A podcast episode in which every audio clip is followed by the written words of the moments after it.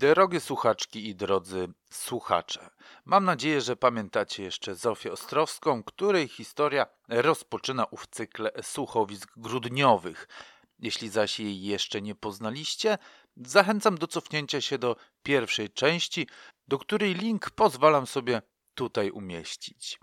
Dziś przyjrzymy się bliżej Antoniemu Andrzejewskiemu, który skradł serce młodej Zofii. Antoni był skautem, należał do Towarzystwa Sokół. Czego Zosia jednak nie wiedziała, Antoni był także członkiem POW, tajnej polskiej organizacji wojskowej, która za plecami zaborców zbroiła się i szykowała do rewolucji, do powstania, które miałoby wyzwolić Polaków spod jarzma okupanta. Ponadto jednak Antoni miał stać się częścią jeszcze bardziej tajnej organizacji, będącej tajną częścią POW. Ale nie chcę ubiegać faktów. Cofnijmy się najpierw do dnia, kiedy to Zofia, zła nieco na majora Kaletę, naciągnęła energicznie swą czapkę na głowę, lekko na bakier, wzięła się pod bok i spojrzała majorowi prosto w oczy, gromiąc go swoim zawadiackim spojrzeniem. Major był ją potraktował jak dziecko. Zadrwił sobie z niej, że jest kobietą, więc ona ze wściekłą satysfakcją wytknęła mu niewiedzę i Piłsudskiego nazwała bolszewikiem. A potem, zanim major zdążył zareagować, odwróciła się napięcie, plecami do wszystkich i tylko jej warkocz się zakołysał, kiedy ruszyła przed siebie w leśną gęstwinę. Antoniemu się to spodobało i uśmiechnął się w duchu. Szanował wprawdzie majora Kaletę, ale kochał złośliwe występy Zofii. Ją zresztą też kochał. I kiedy tylko tym swoim dziarskim krokiem odeszła, on ruszył za nią. Ale kiedy tylko minął majora, ten go zatrzymał. Chodź no tu, zawołał za nim krótko. Antoni zatrzymał się natychmiast. Widział jeszcze oddalającą się Zofię, lecz z cichym westchnieniem zawrócił i stanął na baczność przed majorem. Był to człowiek niepozorny, przypominający bardziej szkolnego ciecia niż wojskowego. Spod skauckiej czapki wystawały kosmyki nieuczesanych włosów, a jego wąsy wyglądały teraz jak zużyta szczotka. Miał nieco mniej niż 40 lat i nie był wysoki. Aby spojrzeć Antoniemu w twarz, musiał podnieść głowę. Spocznij, rzekł, a Antoni rozluźnił swoje ciało. Major Kaleta zbliżył do niego twarz i ściszając głos, aby nikt inny ich nie usłyszał, powiedział konspiracyjnie: Dzisiaj po dwudziestej u mnie. Dzisiaj? zapytał wyraźnie rozczarowany Antoni. Spojrzał za siebie w stronę oddalającej się Zofii. Nie możemy jutro. Major także spojrzał na Zofię, szła dość szybko, znikając raz po raz między pniami nagich drzew. Jutro jest Wigilia, powiedział po chwili, przenosząc wzrok na Antoniego. A ona nie jest dobrym materiałem na żonę, dodał, spoglądając znowu w kierunku Zofii. Wszędzie i pełno. Lata po lasach zamiast uczyć się bandażowania czy gotowania, jak porządna kobieta. I chyba słyszałeś, jaka jest pyskata. Z takiej to nie ma żadnego pożytku, Antoni. Zaufaj mi, wiem, co mówię. Uśmiechnął się do Antoniego porozumiewawczo. No właśnie, jest inna niż wszystkie, westnął Antoni niczym aktor kiepskiej sztuki. Zawsze takie są na początku. I zawsze na początku to pociąga, potem, Majer westnął, potem marzysz tylko, aby mieć w domu prawdziwą żonę, co to ugotuje, posprząta, wyprasuje. Antoni spojrzał raz jeszcze za siebie. Zofia była już małym szarym punkcikiem, który ledwo wyróżniał się na tle ciemnego lasu. Dobra, leć już za nią, powiedział zniecierpliwiony Major. Jak się sparzysz, zapamiętasz na dłużej, zaśmiał się. Tylko punkt dwudziesta u mnie. Ta jest! zawołał Antoni. Podskoczył i stanął w miejscu na baczność. Wyciągnięty jak struna zasalutował. Potem odwrócił się i ruszył biegiem przed siebie.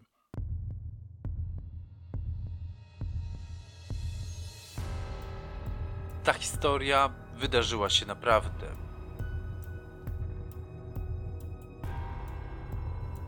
Aby zachować jej spójność, brak niektórych faktów wypełniony został koniekturą i presumpcją.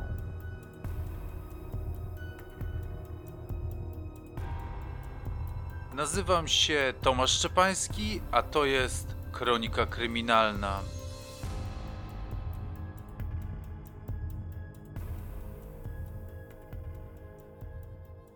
Biegł na szagę, z lekkością przeskakując wystające z ziemi konary drzew i mniejsze chęchy. Nie czuł dużego zmęczenia po biegu, który niedawno ukończył, choć serce mu trochę mocniej biło. Sądził jednak, że to ze względu na Zofię. Dogonił ją po chwili i pojawił się przy niej znienacka. Wzdrygnęła się trochę i spojrzała nerwowo na niego. Ach, to ty, powiedziała z ulgą, udając jednocześnie zaskoczenie. Jednak Antoni doskonale wiedział, że spodziewała się go. Był nawet przekonany, że od czasu do czasu zwalniała kroku, aby za daleko nie odejść i dać mu szansę ją dogonić. Mogę odprowadzić się do domu? Zapytał, choć brzmiało to bardziej jak prośba o potwierdzenie, a nie pytanie. Oczywiście, odparła znowuż obojętnie Zofia, prawo nie zabrania odprowadzać kogoś do domu. Po drodze Antoni starał się podtrzymywać rozmowę i wydawało mu się, że całkiem miło im się rozmawia. Zofia śmiała się czasem z tego, co jej opowiadał, czasem poważniała i słuchała z uwagą. Ona sama zresztą też miała wiele do powiedzenia i wyraźnie buntowała się na to, że kobiety tak mało znaczą dla świata. Miała nadzieję, że nowa, odradzająca się Polska będzie bardzo prokobieca, że kobiety będą miały takie same prawa jak mężczyźni, że nie będą traktowane przedmiotowo jak obiekty seksualne, mamki albo sprzątaczki.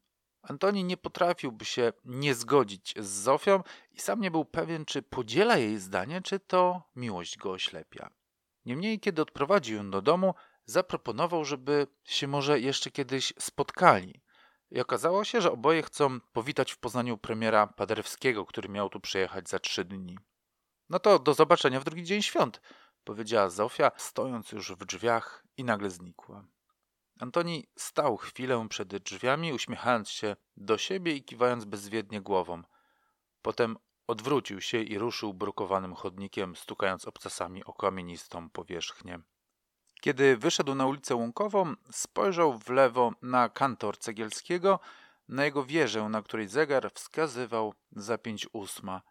Ruszył zatem strzelecką w górę, mijając zakład szewski swojego ojca, nad którym wisiał wyblakły szyld Schule Reparatur Andrzejewski und Sohn, a później, mniejszymi literami, zakład szewski Andrzejewski i syn.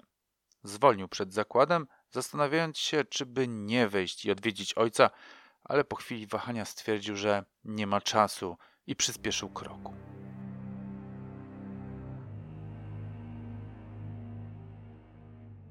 Ojciec Antoniego, szewc Jan Andrzejewski, wydawał właśnie piękne buty pani Cwajk, która zamówiła je była kilka tygodni temu, zanim jej syn Rudolf wrócił z frontu i okazało się, że ubyło mu nogi. Takie protezy się w dzisiejszych czasach robi, panie Cwajk, mówił szewc Andrzejewski, że nie będzie widać różnicy. Pod spodniami proteza będzie wyglądać jak noga, a buty na niej jak ulał. Pani Cwajk dawała sobie robić buty u Andrzejewskiego od lat. Zawsze też u niego je naprawiała. Dla siebie, dla męża, dla obu synów. Bo Rudolf miał także młodszego brata, Oskara, który jeszcze chodził do gimnazjum i bardzo był oburzony na fakt zakończenia wojny, bo mu całe bohaterstwo umknęło. Czego Oskar jeszcze nie wiedział, a zapisane było już na kartach przeznaczenia, za 20 lat też miał założyć mundur niemiecki, ale służył już zupełnie innym Niemcom, innej polityce i innym zamiarom. Wróćmy jednak do roku 1918, do przedednia Wigilii, do zakładu szewca Andrzejewskiego, gdzie pani Cwajk odbierała buty dla Rudolfa. Poza pieniędzmi za buty, pani Cwajk przyniosła też rogala, które wypełniała białym makiem. Zresztą pani Cwajk zawsze przychodziła z czymś słodkim do szewca Jana, jak nie z rogalem, to ze szneką z glancem albo windbojtlami ze szlagzaną. Bóg pani zapłać, mawiał szewc. Należy się panu coś od życia, skoro całymi dniami w tej ponurej komorze pan siedzisz wśród smrodu kleju i papierosów, bo i pan Jan palił jednego po drugim. Pani Cwajk stała przed ladą, trzymając w obu dłoniach nowe buty, a przez jej twarz przymykały promienie radości i cienie smutku. Jej oczy szkliły się łzawo i nie wiedziała, czy się cieszyć, czy płakać nad losem syna. Szewc Jan pamiętał Rudolfa, kiedy ten był jeszcze Ejbrem i chodził do klasy razem z Piotrem. Był miłym i energicznym chłopcem, a i Piotr się chyba z nim przyjaźnił. Piotr był najstarszym synem pana Andrzejewskiego. Przed wojną terminował u ojca, uczył się zawodu i pomagał przy naprawie butów. To on był tym synem z szyldu nad zakładem Andrzejewski syn. On miał przejąć zakład, kiedy szewc Jan odejdzie. Jednak los chciał inaczej. Kaiser chciał inaczej i powołał go na front, gdzie już w pierwszym miesiącu wojny Piotr odszedł. To było gdzieś pod Paryżem. Tydzień po jego śmierci dostali widokówkę, że u niego wszystko dobrze i na święta wróci do domu. W zakładzie pojawiła się nagle pani Andrzejewska, wchodząc od zaplecza, od ich mieszkania, które znajdowało się zaraz za pracownią. Dobry wieczór, pani Cwajk, powiedziała. Czy ja dobrze słyszę, że pani syn wrócił? Kilka dni temu przyjechał, odparła z ulgą na twarzy pani Cwajk. Jest ranny i bardzo zmęczony, ale żyje. Chwała Bogu, powiedziała pani Andrzejewska i przyżegnała się. My czekamy na Pawła, dodała po chwili. Przytrzymują go gdzieś na Ukrainie, podobno układają się z wojskiem polskim. Nie wiadomo, kiedy ich puszczą. Przez mundur pruski nie chcą zwolnić, dodała jeszcze, a potem zamilkła, bo jakaś gula w gardle nie dała jej mówić dalej. Sześć lat temu, przed wojną, było ich siedmioro w trzech izbach kamienicy przy ulicy Strzeleckiej. Szewc Jan Andrzejewski, jego żona i pięciu synów. Piotr odszedł, Paweł jeszcze nie zdążył wrócić, a Przemysław, który z frontu wrócił, jest jak warzywo. Nie wiadomo było, czy jakiekolwiek bodźce do niego docierają, ale z pewnością on nie mógł na nie zareagować. Siedział lub leżał, śliniąc się i patrząc tępo w jeden punkt. Nie mówił, nie poruszał rękoma, nie potrafił w żaden sposób się komunikować. Dostał pociskiem w głowę, nabój uszkodził mózg, a żaden lekarz nie potrafił powiedzieć, co mu tak naprawdę jest. Jedni twierdzili, że lepiej dobić, jak konia.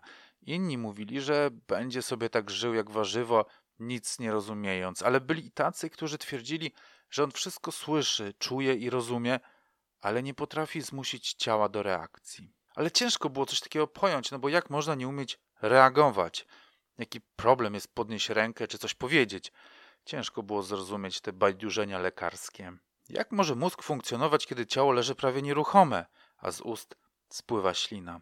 Ale matka, która ufała lekarzom, opiekowała się synem, karmiła go i mówiła do niego. Tych, którzy twierdzili, że to warzywo beształa. Nie ukończyłeś studiów medycznych, to jak chcesz to rozumieć? Mówiła.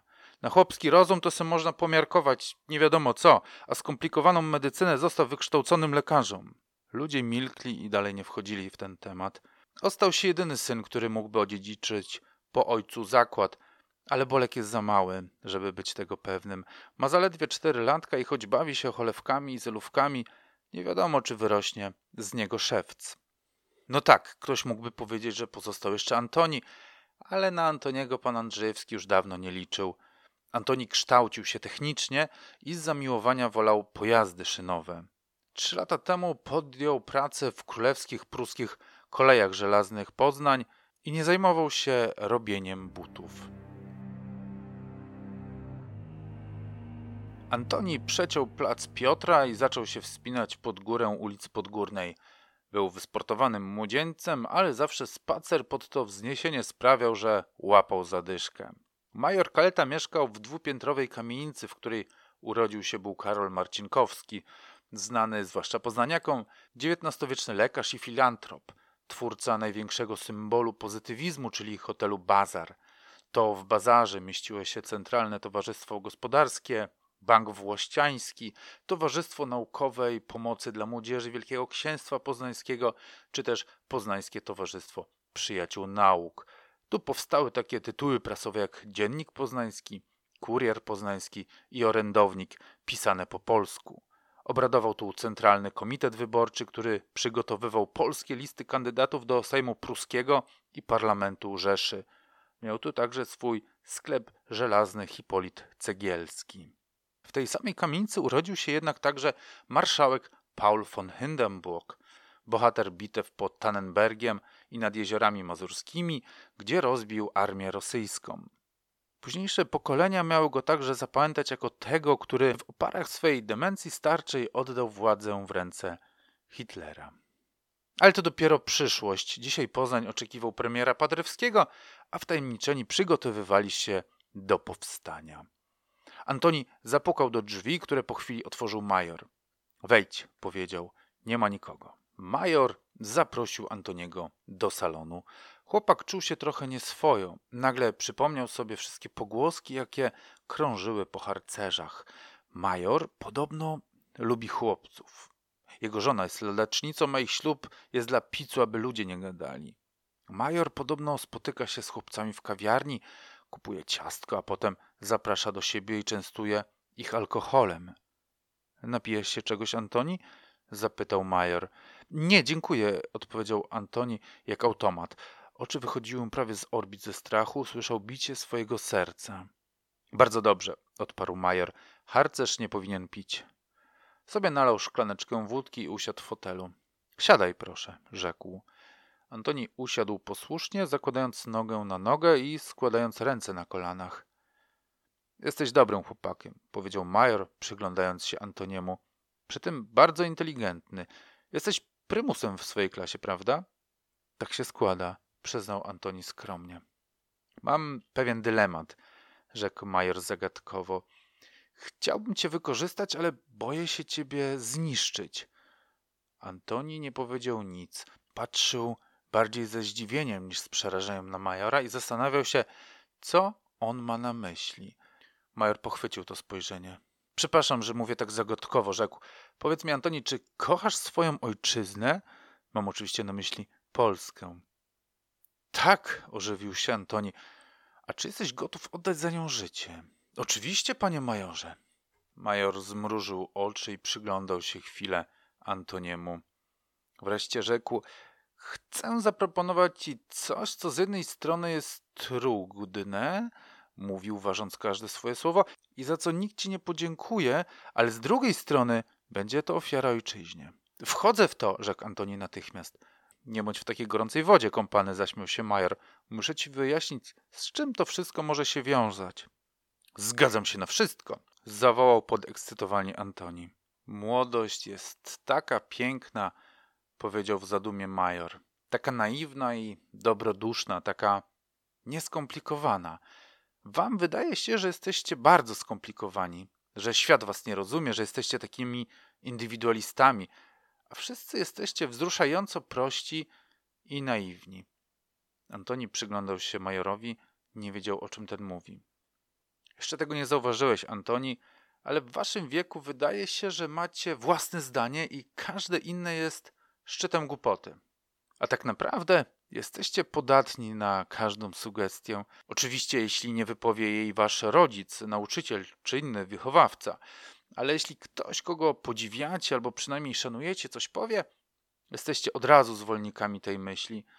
I co najpiękniejsze, uważacie ją za swoją własną myśl i gotowi jesteście za nią zabić. Panie majorze, żachnął się Antoni, z całym szacunkiem, ale ja mam własne zdanie i nikt nie jest w stanie na nie wpłynąć. No właśnie, rzekł major i zamyślił się, marszcząc brwi. Siedzieli tak chwilę w milczeniu. Major analizował swój plan, wiedząc, że Antoni jest najlepszym kandydatem, ale zarazem ma najwięcej do stracenia. Tudzież jego rodzina ma najwięcej do stracenia, jako że ofiarowała Kaiserowi już sporą część siebie. Teraz miałaby ofiarować część dla nowej ojczyzny, dla Polski. Antoni zaczął się niecierpliwić. Panie majorze, powie mi pan wreszcie o co chodzi? Poświęciłbyś Zofię dla ojczyzny? Zapytał nagle major w odpowiedzi na jego pytanie. Antoni zamilkł, zastanawiał się chwilę. Nie mając tego wyboru przed oczyma, a jedynie górnolotne hasła, odparł majorowi. Oczywiście, tak, poświęciłbym Zofię dla ojczyzny. Major zasępił się. Gładził podbródek palcami i patrzył na Antoniego. Z jednej strony, jako dorosły mężczyzna, wiedział, że Antoni gada głupoty, bo jest pod wpływem jakiegoś entuzjazmu, ale z drugiej strony wiedział, że ojczyzna, że Polska potrzebuje takich ludzi jak Antoni. I choć wiedział, że może zniszczyć jedno młode życie, może mu dać także wiele przyjemności, dużo satysfakcji, a przede wszystkim życie na takim poziomie, jaki żadna inna praca by mu nie przyniosła. Czy słyszałeś o pracy wywiadowczej? zapytał. Przed oczyma Antoniego stanęła Mata Hari. Widział siebie w drogich garniturach, w białych koszulach, pod krawatem lub muszką. Jego oczy zalśniły, powiększyły się. Ja chcę, rzekł. Zdajesz sobie sprawę z tego, że w razie wpadki nikt się do ciebie nie przyzna, że jeśli coś pójdzie nie tak, zostaniesz sam? że jeśli cię zabiją, Zofia, jeśli oczywiście zostanie twoją żoną, zostanie wdową, że twoja matka straci w zasadzie jedynego syna? Ale co się dzieje w młodym umyśle, który zostaje połechtany, któremu daje się szansę przewyższającą jego skromne możliwości, nie wie nikt. Antoni zaczął nagle wyglądać i zachować się jak ktoś, kto wypił siedem filiżanek kawy za dużo. Panie majorze, ja dam radę, ja potrafię. Będę szpiegiem, jakiego świat nie widział. Ja znam języki, znam niemiecki perfekt, mówię pięknie po francusku i bardzo dobrze po angielsku. I znałem nawet odrobinie rosyjskiego, ale uczę się szybko, więc nadrobię. Pan wie, że szybko biegam, jestem zwinny. Strzelam najlepiej z drużyny, z matematyki, jestem prymusem, potrafię jeździć samochodem i oczywiście konno. Dobrze, rzekł major, dobrze, rozumiem. Ja to wszystko wiem. Nie musisz mnie przekonywać. Gdybym nie wiedział, nie proponowałbym ci tego.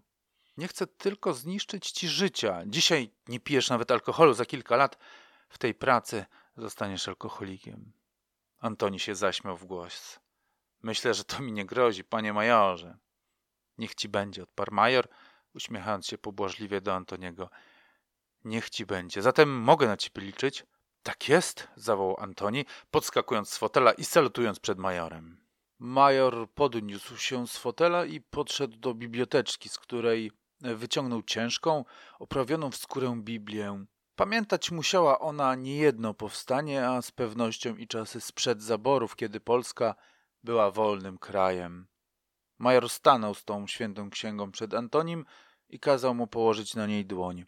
Przysięgnij, powiedział i zaczął cytować słowa przysięgi, które powtarzał za nim Antoni. Przysięgam w obliczu Boga Wszechmogącego, że będę służył całym życiem Polsce i stanę na wezwanie prawowitego rządu polskiego. Za zgodą i pod komendą dowódcy krwią bronić będę swojej ojczyzny i że zachowam w ścisłej tajemnicy istnienie organizacji i będę posłuszny moim dowódcom. W obliczu Boga Wszechmogącego w Trójcy Świętej jedynego ślubuję, że Polsce, ojczyźnie mojej, i sprawie całego narodu zawsze i wszędzie służyć będę, że kraju ojczystego i dobra narodowego do ostatniej kropli krwi bronić będę, że komisariatowi Naczelnej Rady Ludowej w Poznaniu i dowódcom i przełożonym swoim mianowanym przez tenże komisariat zawsze i wszędzie posłusznym będę, że w ogóle tak się zachowywać będę, jak to przystoi na mężnego i prawego żołnierza, że po zjednoczeniu Polski złożę przysięgę żołnierską ustanowioną przez polską zwierzchność państwową. Przysięgam, tak mi dopomóż Bóg. Teraz, Antoni, jesteś jednym z nas, powiedział major Kaleta i uścisnął Antoniemu dłoń. Antoni był szczęśliwy jak dziecko, kiedy wybiegł z mieszkania majora Kalety. Pragnął podzielić się tym, co go spotkało z Zofią, ale wiedział, że musi trzymać gębę na kłódkę. Tajemnica, którą trzymał w sercu, rozpierała jego pierś. Biegł przed siebie niesiony skrzydłami radości, nie mogąc się doczekać dnia, kiedy ojczyzna wezwie go na służbę. Nie wiedział jednak, że to już za chwilę.